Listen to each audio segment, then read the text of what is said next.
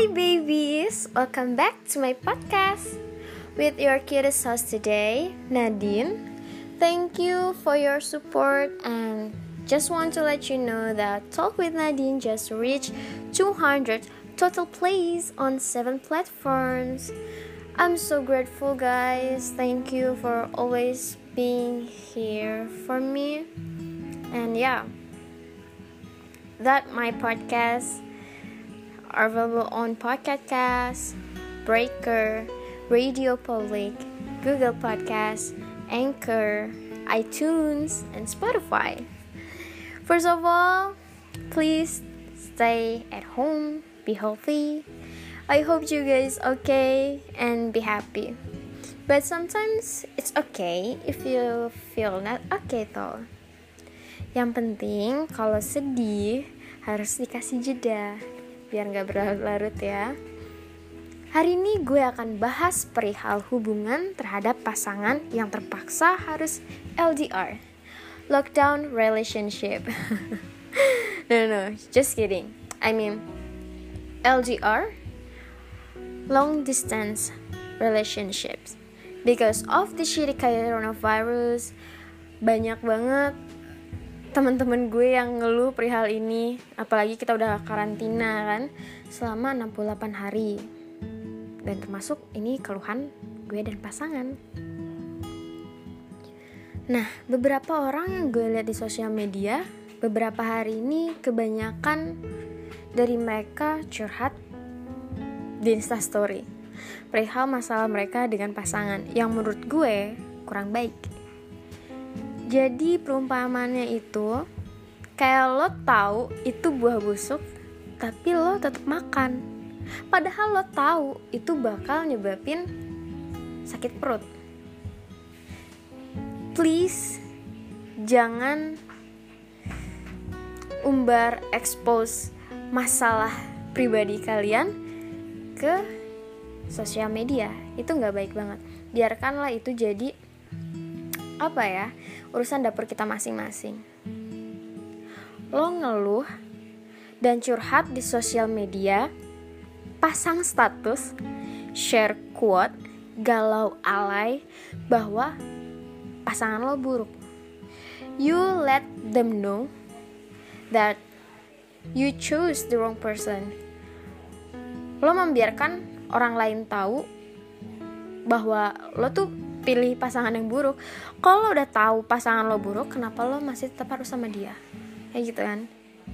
Jadi be wise untuk sharing semua hal pribadi ya. Nggak bisa hal pribadi semua untuk di share kalau misal hmm, lo nggak bisa menempatkan diri itu akan jadi bumerang sih di masa yang akan datang.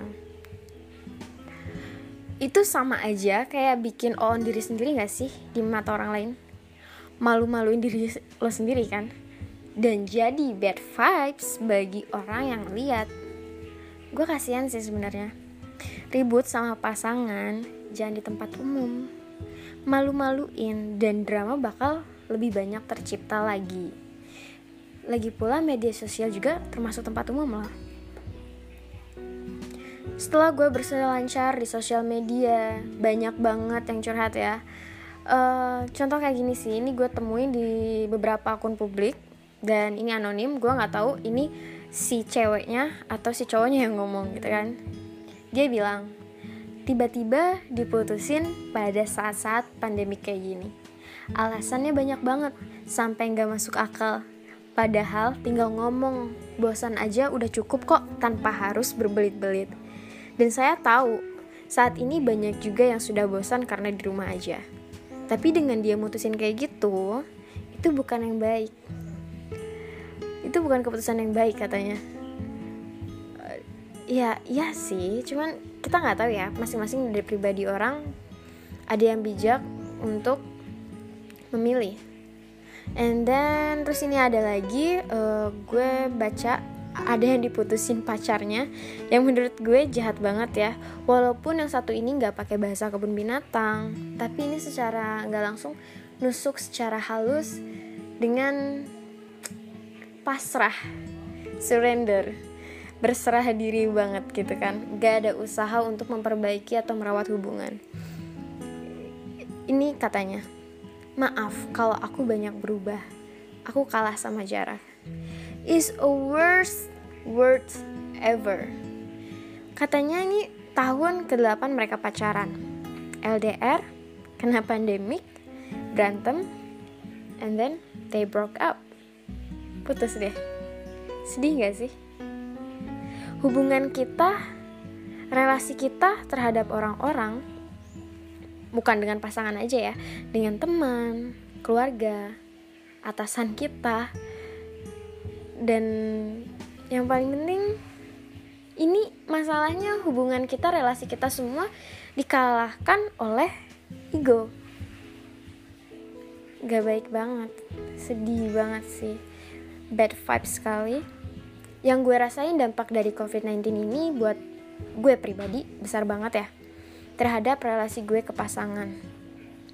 Bahkan efeknya tuh bisa ke diri sendiri seperti jadi punya bad assumption asumsi buruk yang gue bikin sendiri tentang pasangan gue. Contohnya sih biasanya oh kenapa ya kok dia nggak komunikasi ke gue? Kok dia kayak nggak ada waktu buat gue? Kayak gitu. Dan mungkin uh, untuk beberapa minggu yang lalu gue sempet sampai bad punya bad assumption bahwa pasangan gue bosen. Dan itu secara perlahan membunuh gue sendiri. Jadi insecure stres gak bisa makan. Ya karena asumsi gue sendiri yang bunuh gue. Jadi gue insecure merasa kurang cantik. Gue uh, kurang punya pelebih kelebihan. Gue jadi kayak kurang cukup. Gue gak punya sesuatu yang bisa gue kasih ke pasangan gue yang ya mulai dari situ gue mulai puasa bersosial media sih. Gue stop bersosial media 1 sampai tiga hari. Gue nggak buka Instagram gue cuman online di aplikasi chatting aja gitu. Wanita tuh jadi merasa dirinya kurang cantik. Itu yang paling parah dan gue udah research.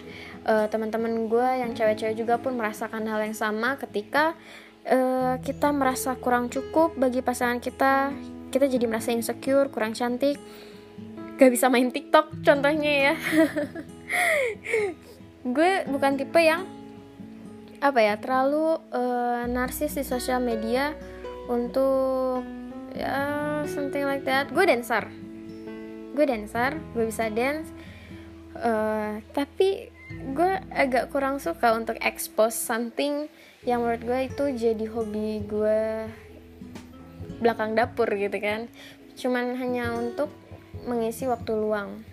Karena pandemi covid-19 ini gue jadi aduh bosan banget. Nggak ada kegiatan nggak ada nggak ada hal yang bisa biasanya kan kalau gue nih gue suka dance gue ke Let's Get Sweat Bintaro itu jadi kayak udah kayak third home for me gitu kan. Olahraga meditasi aduh. Gue jadi punya apa ya olahraga sampingan sih. Kayak jalan sehat keliling komplek misalnya. Dan soal masalah ini ini gue hadapin uh, berminggu-minggu yang lalu dan sampai konsultasi ke Gojek Fit Live untuk belajar memahami situasi yang gue lagi alamin, lagi gue laluin gitu kan.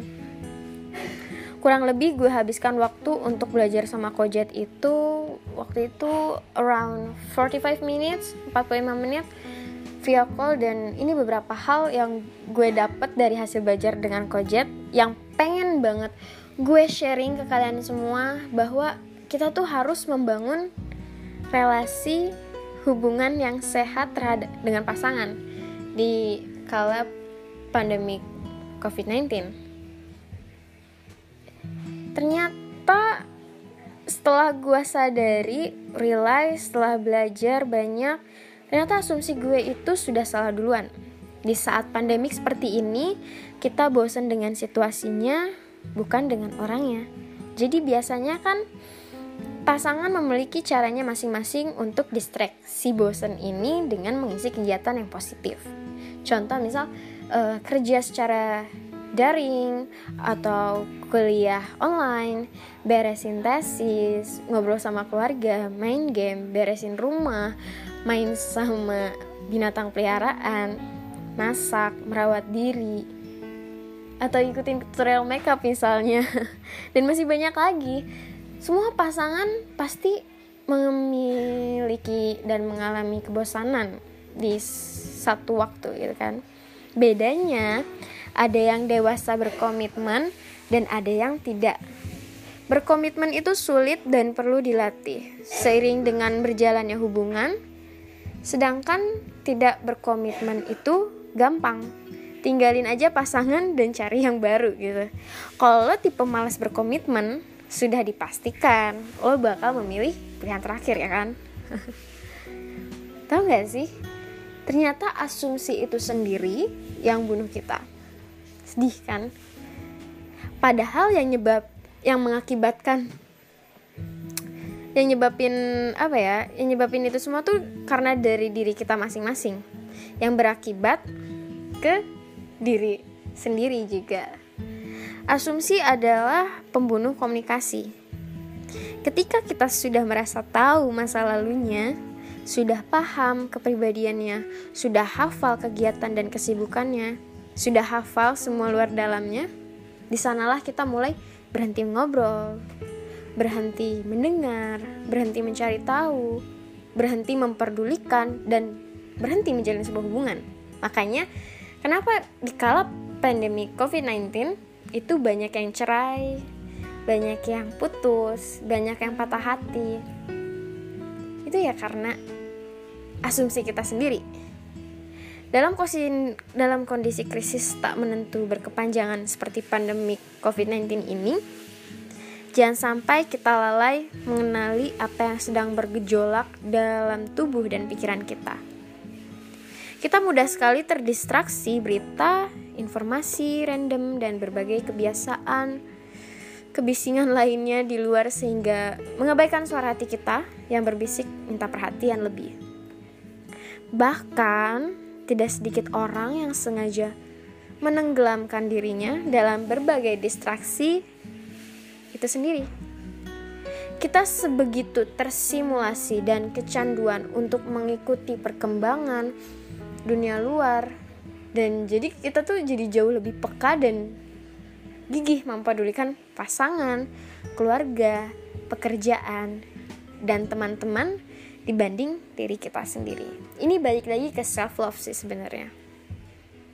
Kita melakukan dua tiga hal sekaligus bersamaan sambil memperhitungkan dua tiga hal yang akan dilakukan berikutnya. Sepanjang hari, sepanjang minggu tanpa henti. Kita senantiasa patroli berjaga-jaga 24 jam per 7, sigap bergerak bagai penjaga gawang yang mengantisipasi bola-bola liar yang menerjang. Kita mengabaikan lapar dan haus, kita mengabaikan lelah dan pegal, kita mengabaikan nyeri dan luka-luka, kita mengabaikan rasa ragu, marah, kecewa, sedih, cemas, dan lain-lain. Kita mengurusi segala sesuatu dan semua-muanya selain diri kita sendiri. Alhasil, kita jadi lemah dan berantakan. Konsentrasi kita terganggu, hubungan kita terganggu, kesehatan kita terganggu, performa kita terganggu. Seiring waktu, kemampuan kita meresponi masalah dari luar tuh jadi menurun. Bahkan masalah itu menciptakan masalah-masalah baru. Jadi menurut gue tutup pintu dan buka jendela, nyalakan lilin di dalam diri, tanya dengan tenang apa yang lo mau. Mungkin bisa seperti ini. Apa yang gue sangat inginkan saat ini? Apa yang hati gue berusaha sampaikan saat ini apa yang mondar-mandir di pikiran gue saat ini. Jujur ya, gue kadang mikir seperti ini, tapi susah untuk dideskripsikan ke orang lain. Tapi ada rasa pengen cerita ke orang lain juga. Tapi bingung mulai dari mana dan ngomongnya bagaimana. Lalu amati respon yang muncul. Biarkan pikiran itu jadi bebas bersuara dan menjelaskan ke diri sendiri. Dorong diri mencari cara-cara untuk menghargai, memperdulikan, dan memenuhinya. Jadi, tolong beri jeda sebentar di sana sini setiap hari. Lalu sediakan ruang dan waktu untuk mengenali, membicarakan, memperdulikan kebutuhan hati kita yang terabaikan. Karena kita sibuk menyelesaikan masalah dan ketegangan yang terus datang silih berganti dari luar, ya kan? Jadi, jika sudah punya pasangan, sepakati untuk saling check up dua atau tiga kali sehari agar sama-sama terpancing untuk memperhatikan diri. Pertanyaannya bisa sesederhana ini sih. Uh, misal, kamu oke? Okay? Kamu lagi ngerasain apa nih? Cerita dong hari ini gimana? Kamu mau dibantu apa? Kamu butuh apa? Makanya gak heran deh kalau gue suka bawel nanya-nanya kondisi orang lain kayak gimana sehari-harinya dia bagaimana yang penting cerita aja dan gue tahu tapi nggak harus chatan tiap jam tiap menit seharian full gitu ya luangin aja waktu satu jam dua jam dikala jika masing-masing dari kita punya waktu untuk tukar cerita. Itu udah lebih dari cukup banget kan karena kita semua masing-masing punya kegiatan yang harus kita lakukan gitu.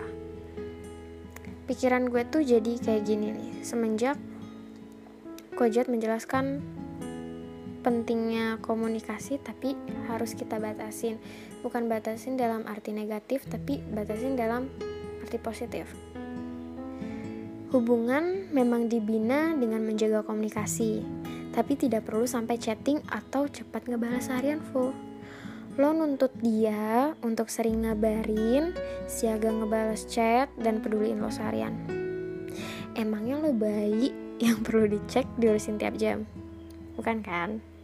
Pasangan lo tertarik hubungan karena pengen pasangan sebagai rekan kerja, bukan pengen mengadopsi bayi bongsor yang gak bisa ngapa-ngapain.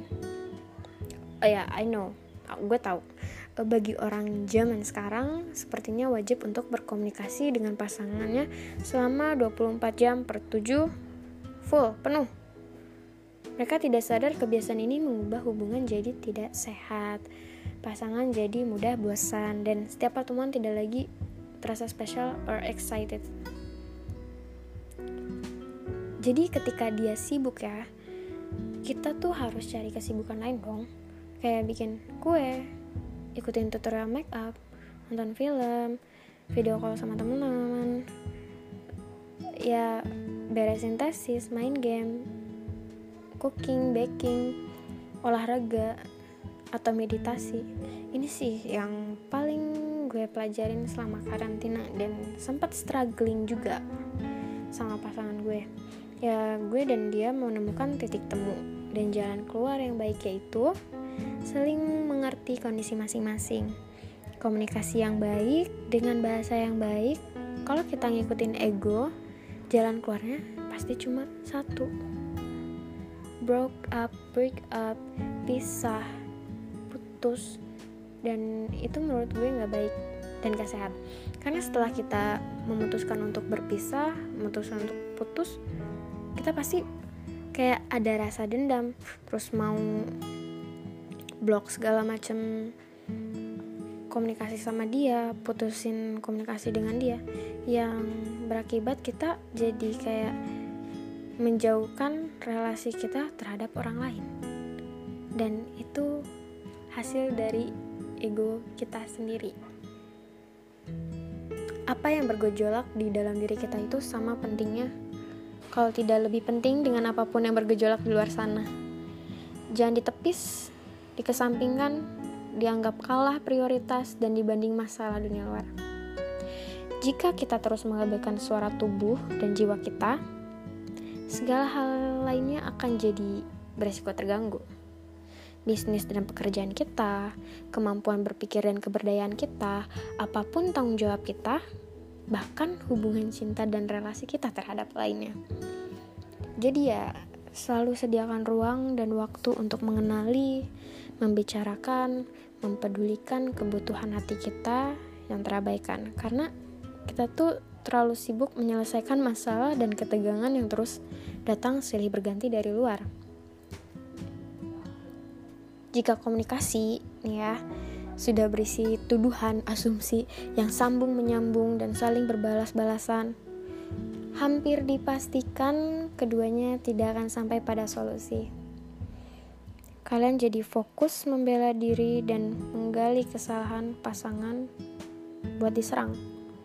Hubungan kalian tak ubahnya permainan catur yang mana tidak ada negosiasi di situ, adanya cuma strategi untuk mengalahkan pihak lain. Jika lo nggak bisa mengubah keadaan saat ini, coba ubah cara berpikir lo. Mungkin kita gak bisa mengubah keadaan yang sulit saat ini, tapi kita bisa mencoba merubah cara pikir kita dengan selalu bersyukur, positive thinking, percaya hal baik pasti ada kita semua bisa laluin ini bareng-bareng we can through this. Pasangan gue sering bilang cara komunikasi yang baik itu saat kepala kita dingin dan kunci hubungan itu saling menghargai dan tahu situasi masing-masing seperti apa. Soalnya kan kita punya kehidupan dan kebiasaan yang berbeda-beda kan. Mungkin untuk uh, episode selanjutnya gue bakal bahas sesuatu yang lebih important lagi yang bakal mengedukasi dan ini penting banget buat kita masing-masing sih. And see you on the next episode. Sending so much love hooray and light babies